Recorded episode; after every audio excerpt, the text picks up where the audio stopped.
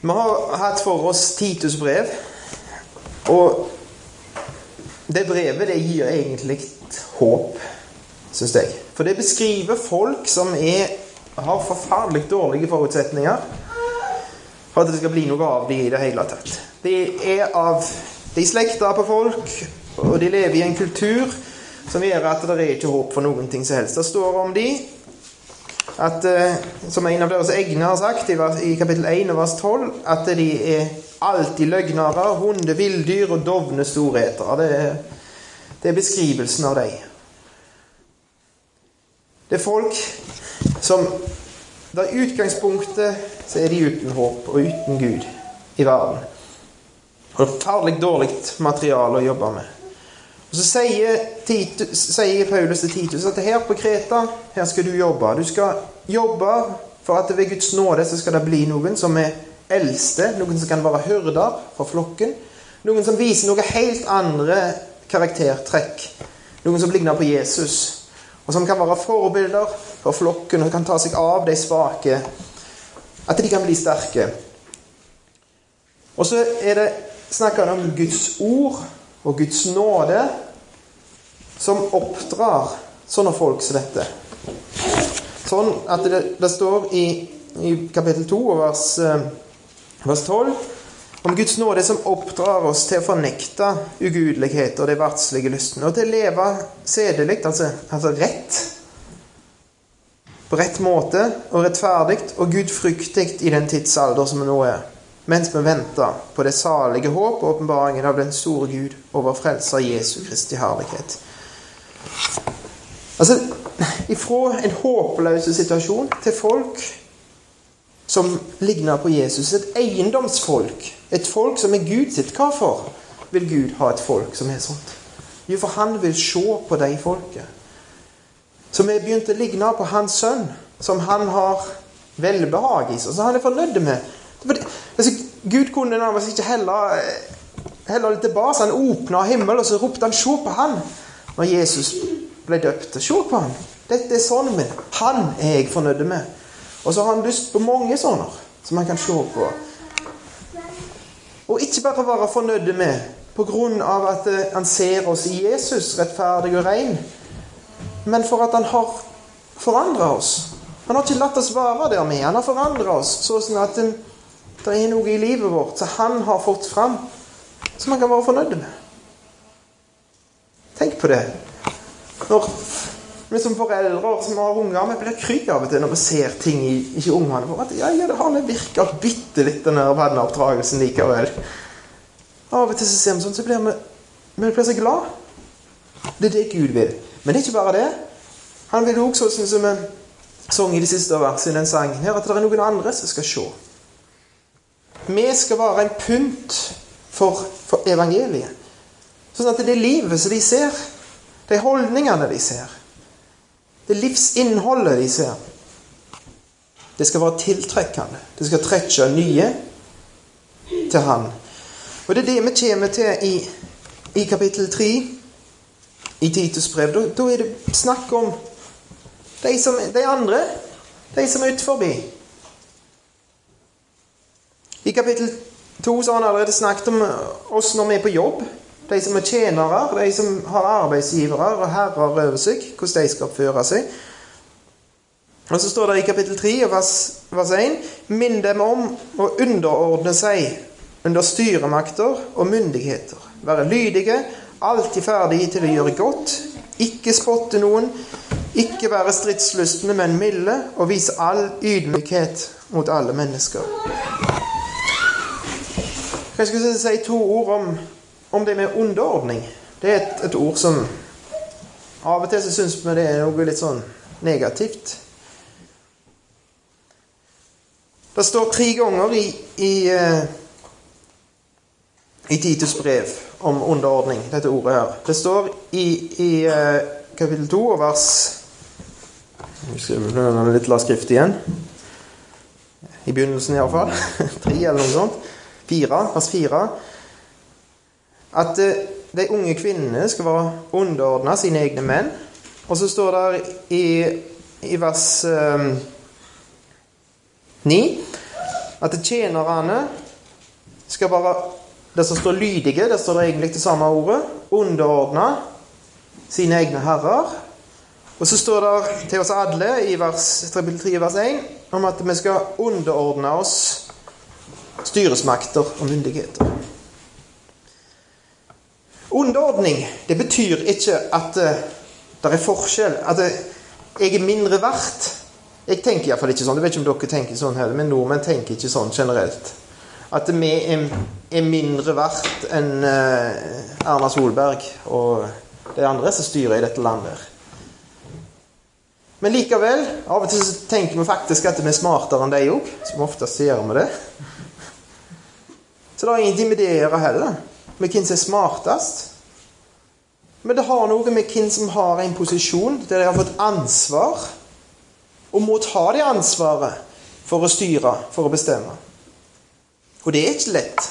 Det er egentlig mye lettere på den måten så er det lettere å være en som underordner seg. Så er det noen andre som tar ansvaret for å styre skuta. Så kan vi heller kjefte på dem når de gjør feil. Det er voldsomt greit. Så det handler ikke om intelligens, det handler ikke om verdighet. Det handler egentlig bare om en stilling. Og tydeligvis har Gud tenkt det sånt. At mannen skal ha et spesielt ansvar for å være den som leder i et ekteskap. Det har Gud tenkt. Og så har han tenkt det sånn at i arbeidslivet Det er ikke bare Gud som har tenkt det. Det er sånn det er i arbeidslivet. Det må være en sjef. Det må være en som, sier Som har det siste ordet. Men for at det, Og så må det være det i samfunnet. noe noen som styrer i dette samfunnet. Det hadde ikke fungert hvis vi alle gjorde det som var rett i deres egne øyne. Og da må det være noen som underordner seg. Og Underordning er forferdelig lett hvis at eh, de som bestemmer, de gjør akkurat det som du har lyst til. For det koster det ingenting å si ja, selvsagt. Underordning er et problem når det er en interessekonflikt. Når jeg har lyst til det, og så han som bestemmer, har lyst til det. Og så må jeg si OK, jeg gir meg.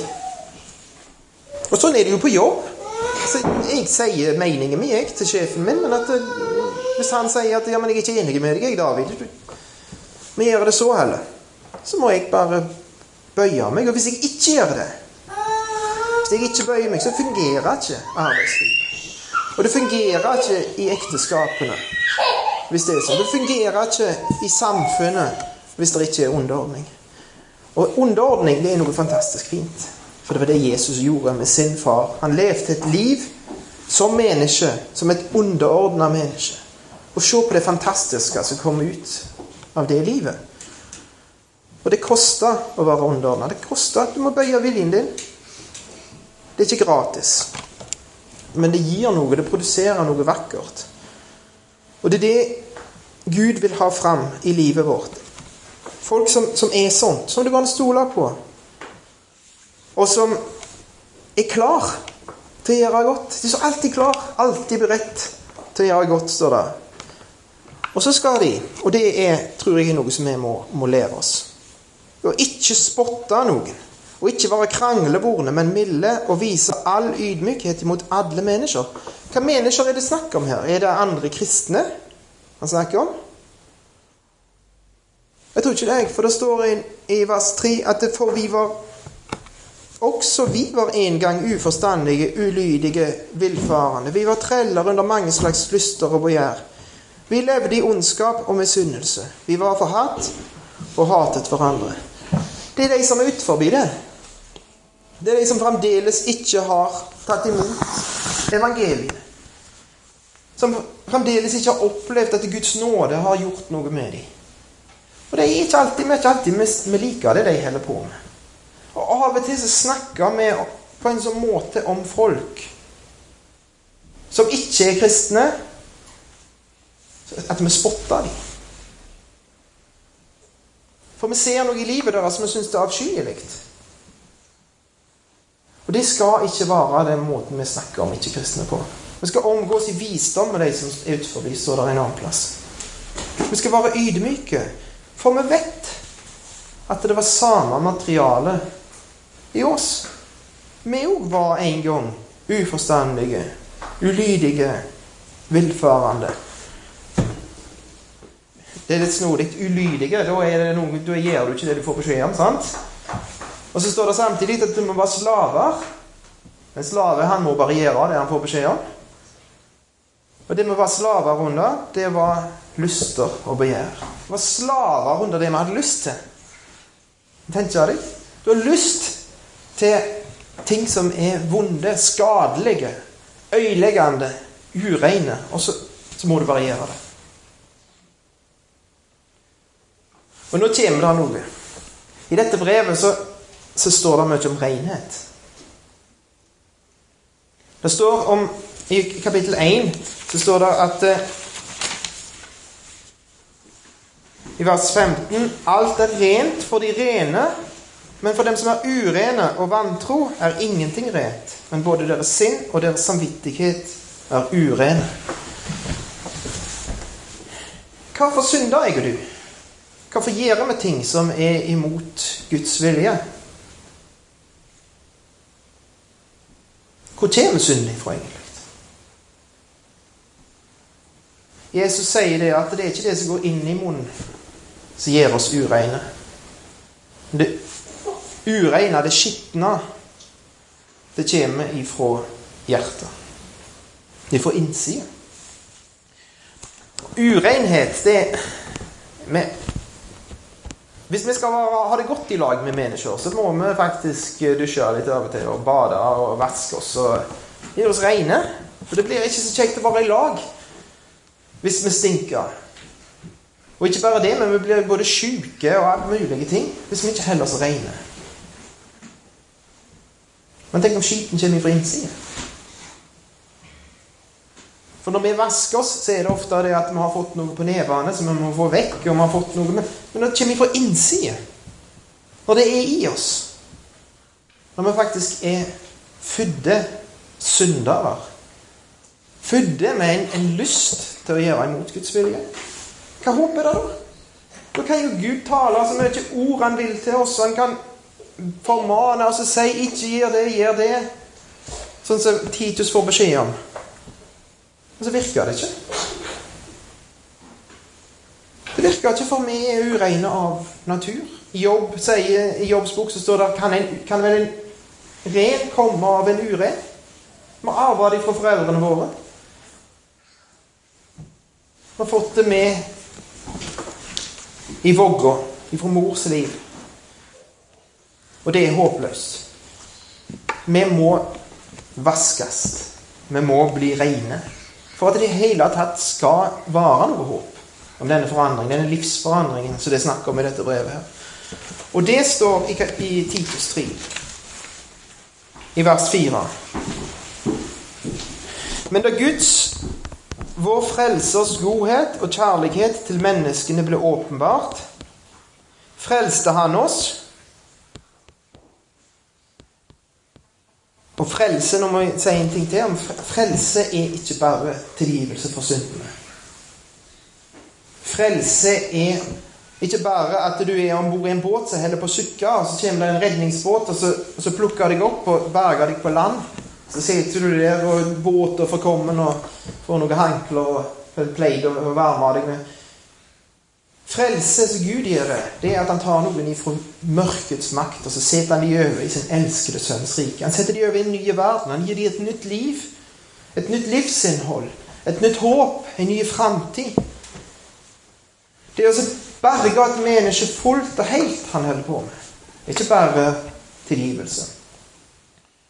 Og dette gjorde han ikke på grunn av noe som vi hadde gjort. Det var ikke sånn at vi var bedre. Vi var ikke bedre med enn de andre de som vi omgås, som gjør ting som vi gjerne syns er avskyelige i ekteskapene sine. Seksuallivet deres, hvis vi får høre om det i dag, sant? Så, så, så, ting som er avskyelige. Og så snakker vi, baktaler gjerne, spotter gjerne noen som er utenfor. Så er det samme materialet i dere. Det var ikke på grunn av deres godgjerninger at han frelste dere. Det var på grunn av at han hadde miskunn. Han syntes synd på dere. Han hadde barmhjertighet, at han tok seg av dere. Og så gjorde han det gjennom et bad, står det her. Badet til gjenfødelse og fornyelse ved Den hellige ånd, som Han rikelig har utøst over oss ved Jesus Kristus, vår frelser. For at vi, rettferdiggjort ved Hans nåde, skulle bli arvinger til det evige liv, som vi håper på. Badet til gjenfødelse og fornyelse ved Den hellige ånd. Sånn som det står i denne oversettelsen, så ser det ut som det er et bad som virker gjenfødelse og fornyelse. Et eller annet bad, en eller annen vasking, rensing, som, som gjør at vi blir født på ny og fornya. I andre oversettelser så står det bare 'gjenfødelsens og fornyelsens bad'. Og Det er mer tett opp til sånn som det står i grunnteksten. Det kan være enten et bad som gjør at vi blir gjenfødt og fornya, eller så kan det være gjenfødelsen og fornyelsen som er badet. Kanskje ikke, er det ikke så viktig å finne ut av det. Men hva, hva, hva er dette her for et bad? Hva er det vi blir vaska med? Hva vann er det det er snakk om? Det er iallfall et vann som Gud har rikelig, i vers 6, utøst over oss ved Jesus Kristus. Gud har tømt dette vannet utover oss. Det er Gud som har sørget for at dette vannet vasker oss. Det som gir oss rene. Sånn at vi kan være i hans nærhet. Sånn at han kan få noe ut av oss. Hva vann er det? Til rensa. Og da skal vi ta en liten, en liten tur rundt omkring i Bibelen. Skal vi først gå til Johannes 3. Og så skal vi, skal vi lese en, litt om en samtale som, som Jesus hadde med Nikodemus. Da sier Jesus til, han i, til Nikodemus i vers 3 Sannelig, sannelig, sier jeg deg, uten at en ble født på ny, eller født ovenfra, kan han ikke se Guds rike. Og så sier Nikodemus ja, Hva er det du snakker om? Hvordan kan Født på ny? Født en gang til? Hvordan, hvordan, går det til? Kan jo ikke bli født på ny når du er blitt gammel. Skal jeg, skal jeg, liksom komme inn? En gammel mann, skal jeg komme inn i, i mors liv igjen? Se mor mi, og så bli født på ny? Hva er det du snakker om, Jesus? Det er nærmest han ler. Han forstår ingenting. Og så sier Jesus til ham Sannelig, sannelig, sier jeg deg, uten at en blir født av vann og ånd, kan han ikke komme inn i Guds rike. Det som er født av kjødet, er kjød, og det som er født av ånden, er ånd. Undre deg ikke over at jeg sa til deg, dere må bli født på ny. Vinden blåser dit den vil. Du hører den suser, men du vet ikke hvor den kommer fra, og hvor den farer hen. Slik er det med hver den som er født av ånden. Og så sier Nikodemus jeg skjønner ikke, jeg skjønner ikke bedre av dette du snakker om. Men hvordan skal dette skje? Hva, hva, hva er dette? Jeg forstår ingenting. Nå så er det kommer Johannes 3 vers 10, og det må dere som snakker med folk som er bibellærere og forkynnere og sånt, det må dere alltid spørre dem. Hva står i Johannes 3 10, må dere spørre dem. For det vet de som regel ikke. Ikke han Audun visste det heller når han fikk spørsmålet her av en av guttene mine. I Johannes 3,10, der står det Du er Israels lærer og vet ikke dette. Så det, det, kan, det har god virkning. Men, men, det var det Jesus sa til Nikodemus. Og jeg, jeg, lurte lenge på hva i all verden, hvordan i all verden kunne Jesus forvente at Nikodemus skulle forstå hva han snakket om. Hva Står det noe i Det gamle testamentet om dette? Hva er dette her for noe? Hvordan skulle Nikodemus vite dette? her? Jeg sier det, Vet du ikke det? Har, har du ikke fulgt med i timen, Nikodemus? Du er lærer, og så kan du ikke dette her. Og med hjelp av andre så har jeg kommet fram til iallfall at det må være i profeten Esekiel han snakker om. Nå skal vi gå til Esekiel og kapittel 36 ifra vers 24.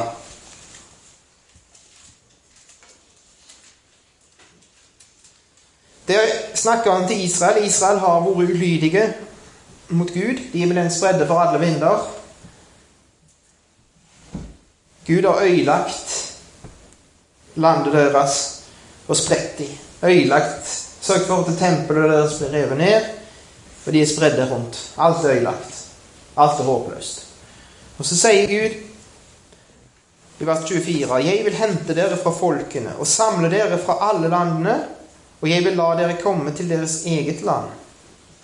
Og nå kommer dette. Og jeg vil stenke rent vann på dere, så dere skal bli rene. Fra alle deres urenheter og fra alle, deres motbydelige avguder vil jeg rense dere. Jeg vil gi dere et nytt hjerte, og en ny ånd vil jeg gi dere. Jeg vil ta bort steinhjertet av deres kjøtt og gi dere et kjøtthjerte. Min ånd vil jeg gi inni dere, og jeg vil gjøre det så at dere følger mine bud og holder mine lover og gjør etter dem. For for at Gud skal oppnå det han vil med oss, så må han utføre en hjertetransplantasjon. Det må skje noe på innsiden. Vi må bli født på ny. Vi må få et nytt liv. Med nye lyster. Nye lengsler. Lengsler til å følge Hans bud og holde Hans lover. Et hjerte som lengter etter å kunne blitt mer lik Jesus. Så ser jeg at Guds lov, det som Gud vil, det er godt. Og da må han gjøre oss rene. Han skulle stenke rent vann på dem. Han skulle rense dem, så skulle han gi dem et nytt hjerte. Og så, hvis vi bler om, iallfall i min bibel bler om til neste side, så står det noe helt fantastisk. Dette er noe av det i Bibelen som jeg kunne mest tenkt meg å sitte på film. Det som står i Esekiel 37. Og eh, i dag så er det jo ikke så vanskelig med, med datamaskiner, så får de kunne de lagd en film av dette. Her ser du Esekiel ble ført ut av Herrens hold, ut, ut i en, en, dal. Og denne dalen er full av bein, full av knokler. Det er det uhyggelige greia. En dal full av skjeletter. Én ting er sikkert, det er iallfall håpløst. En dal full av skjeletter. Det er ikke bare det at de er døde. Kunne du, kunne du, hadde de vært nettopp døde, så kunne du tatt munn-til-munn-metoden for de hjertekompresjoner og sett litt, litt støyt med en hjertestarter, så kunne du fått liv i det igjen. Men dette her, er, her har det De er døde, og så har alt råtna vekk, og så er det ingenting igjen utenom noen knokler. En fullstendig håpløs situasjon. Store mengder helt torre, står det i, i vers 2. Det var helt håpløst. Og så sier Gud til han, menneskesønn i vers 3, skal disse benene bli levende? Så sier Esekiel, Herre, Herre, du vet det. Jeg vet iallfall ikke. Og så sier han, profeter om disse benene. Snakk til disse beinene. Tal noen ord ifra meg til disse beinene og si til dem Dere tørre ben, hør Herrens ord. Så sier Herren Herren til disse benene, se, jeg vil la det komme ånd i dere, og dere skal bli levende. Jeg vil legge sener på dere og la det komme kjøtt på dere, og dekke dere med hud og gi ånd i dere, og dere skal bli levende. Og dere skal kjenne at jeg er Herren. Har du tenkt deg å snakke til noe døde bein, og så håper at det skal skje noe. Av og til så snakker jeg til noen om morgenen skal stå opp og gå på skolen. Det ligner nesten på dette greiene. Det er voldsomt vanskelig å få liv i dem, men de får som regel det. Til slutt så kommer de seg av gårde. Men å snakke til noe død bein det er fullstendig håpløst. Det er galskap. Jeg tror Esekiel var glad for at dere så han sto der og snakket. Her. Og jeg profeterte slik som det var befalt meg. Mens jeg profeterte, hørtes det en sterk lyd. Det ble en larm. Det begynte å le av på seg. Og så begynte disse beina å sette seg på plass. Knoklene kom liksom på rette plass. leddene i lag og armer og Hvert bein til sitt bein. Og så kom det sener på dem. Så det kunne være klart at det her kunne begynne å bli bevegelse. Og kjøp, musklene kom på plass, og huden kom utenpå musklene. Men ånd var det ikke. Hva skal han nå gjøre? Jo, skal snakke igjen. Da sa han til meg, profeter og tal til ånden. Profeter, menneskesønnen, si til ånden, så sier Herren, Herren, kom du ånd fra de fire vinder og blås på disse drepte mennene, så de kan bli levende. Blås. De fire vinder.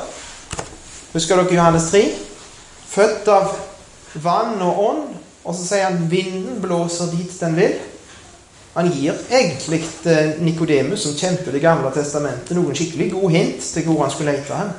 Her har du denne vinden som kommer. Du ånd fra de fire vinder. Og jeg profeterte slik som han hadde befalt meg, og ånden kom inn i dem, og de ble levende, og sto opp på sine føtter, en meget, meget stor herr. Og han sa til meg, menneskesønn, disse benene er hele Israels hus. Se, de sier våre ben er tørket inn, og vårt håp er gått til grunne. Vi er fortapt. Og det er det som er tilstanden til alle mennesker. Det, det er fortapt. Det er ikke håp. Det er ikke materiale. Det er ingenting så det kan bli noe av i oss mennesker. Det er fullstendig håpløst. Men Gud, ved ordet sitt, når Han taler ordet sitt til disse døde beinene, og ånden hans gjennom dette ordet virker på disse døde beinene, som er fullstendig håpløse, så skaper han liv av døde. Han skaper nytt liv, gjenfødelse, fornyelse, for å bruke Titus sine ord. Vers 14.: Jeg vil gi min ånd i dere, og dere skal bli levende. Har gjenfødelsen noe med Guds ord å gjøre? Har det å bli født på ny noe med Guds ord å gjøre? I Nye testamentet. Første Peters brev.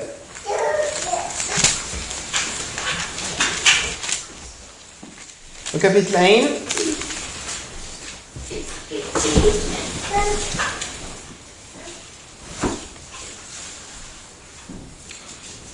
Fra vers 22.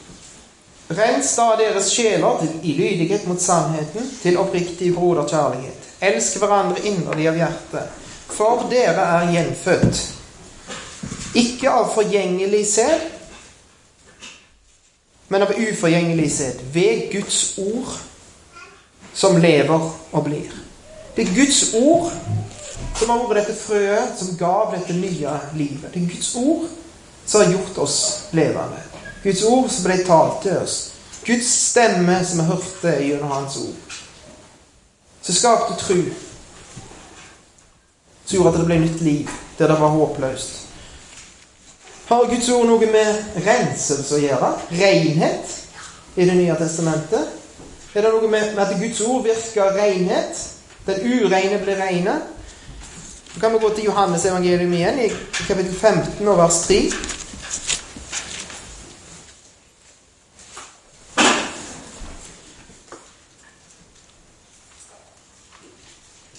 Det sier Jesus at far hans er vingårdsmannen, og hver grein som bærer frukt, den renser han for at han skal bære mer frukt. Og så sier han i vers 3.: Dere er alt rene på grunn av det ord som jeg har talt til dere. Og et par kapitler før, når Peter protesterer, så sier jeg aldri i verden om du skal vaske føttene mine.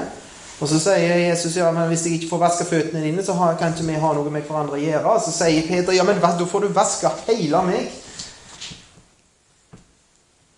Renhet som forutsetning for samfunn, for fellesskap med Gud. Og så sier Jesus at det er den som er bada Peter, du er allerede bada, du. Du trenger ikke å vaske noe annet enn føttene dine. Du er gjort ren. På grunn av det ord som jeg har talt til dere, som fikk virke i dere, som fikk skape nytt liv i dere, så ble det en ny natur i deg, Peter. Og det ble en ny natur i deg og meg som tror. Som har lyst til å gjøre Guds vilje. Og i Efeserbrevet 5 så står det i vers 25 om at Kristus elsker menigheten og gav seg sjøl for den for å hellige den. kommer det igjen, det som Audun har lest noen ganger. Hellige den og rense den. Hva da vi gjør nå? Hva er vaskemiddelet? Hva er vannet? Hva er dette vannet som skaper gjenfødelse og fornyelse ved Den hellige ånd? Jo, Ordet. Vannbadet i Ordet. Og det er det som er så fantastisk. Gud har gitt oss noe som har ei sånn kraft, for det er levende. Han har blåst inn sin pust i det. Akkurat som når Adam lå der med Han forma han av jordens støv. Det lå en kropp der, men det var ikke liv i han.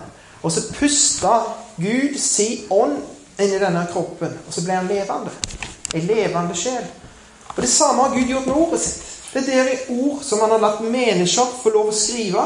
De skrev det ned med penn og blekk på skinnruller og senere på papir, og så har vi fått trykt opp. Ikke bare ord, men det er mer enn ord. For han har pusta sitt liv inn i disse ordene. her. Sånn at de virker. De gjør noe. Når de blir forkynt for folk som er Så det står i i vers, kapittel 3, vers 3 i Titus brev. Folk som er uforstandige, ulydige, villfarende, slaver under mange slags lyster og begjær. Så får de høre ordet ifra Gud, og så virker det. Og så skaper det liv, renhet, gjenfødelse, fornyelse. Gud tømmer vannet i Guds ord. Han tømmer det over dem, og så blir de rene. Og det har Gud gjort med oss. Og Derfor er det forutsetninger. Han har skapt forutsetningene. For at her kan det faktisk bli noe av oss. Det er ikke håpløst. Det er ikke Tore dagene. Vi som er født på ny, der kan det bli noe. Det kan bli noe av oss. At når vi ser tilbake på livet vårt, når vi, når vi blir gamle og grå, og så ser vi tilbake på livet, og så ser vi Så skal vi ikke måtte si 'nei, det ble ingenting av det'. Men jeg er glad for at Gud er nådig, og jeg skal nok få komme inn forbi porten en dag.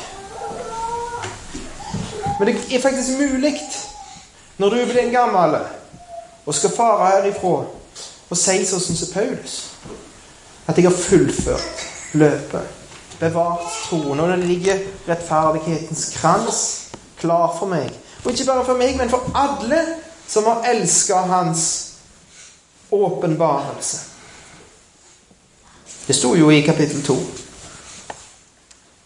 Mens vi venter på det salige håp og åpenbaringen av den store Gud som vår frelser Jesu Kristi herlighet. Vi lengter etter Han, og så gjør det noe med oss hvis ordet får virke på oss. Det som har født oss på ny, det som har skapt livet, hvis det får lov å virke på oss, forandre oss Det får lov å komme inn, og så får det lov å gjøre sin virkning. Vi stenger det ikke ute. Hvis ordet sier til oss pirker i oss og sier at dette her, det, det må det bli slutt på. David, dette her kan ikke du holde på med mer. Det er andre ting som betyr noe i livet ditt. Du trenger ikke se den filmen der. Bruk tid på noe annet. Du trenger ikke sitte på nettet hele tida. Du trenger ikke hevde deg sjøl på jobb. Du trenger ikke tenke bare på deg sjøl. Det er noen andre det er noen gode gjerninger vi gjør, noe godt. Noe som er nyttig. Vers 8 i Titus 3. Det, det er et troverdig ord.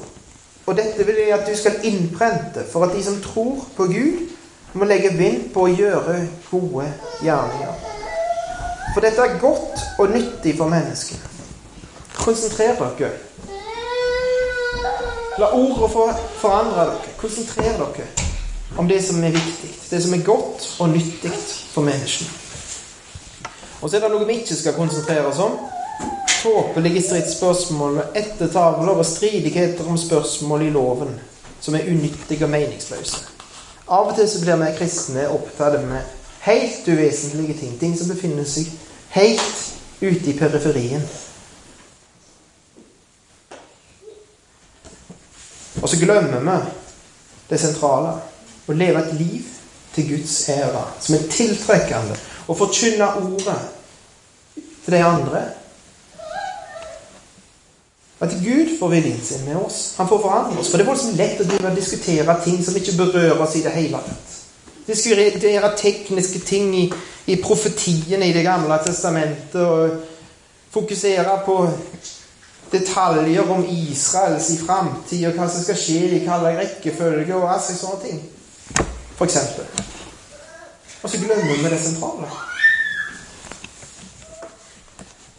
Og så står det om noen som fer med vranglære. Det er noen som som kommer med øyeleggende ting. Og de sier han til Titus Vis de fra deg etter at du har formant dem én og to ganger. Ikke bruk resten av livet ditt til å slåss mot deg heller. Vis dem ifra deg. Ha de far For du vet at den som er så, er forvent og synda og har dømt seg sjøl. Og så avslutter han brevet. Når jeg sender Artemas eller Tykikus til deg, så skynd deg å komme til meg i Nikopolis, for der har jeg bestemt meg for å bli vinteren over. Gjør alt du kan for å utruste senest den lovkyndige og Apollos til reisen. Det var sikkert de som kom med dette brevet til Titus, så de ikke skal mangle noe. Også våre egne folk må lære å gjøre gode gjerninger der det er behov for det, så de ikke skal være utenfor. Guds ord det gjelder ikke bare de som sitter hører på, men også de som forkynner. Vi òg, som stiller oss fram på talerstoler, det skal kunne forventes av oss òg at det er gode gjerninger. At det er frukt. At vi har anvendt ordet på oss sjøl.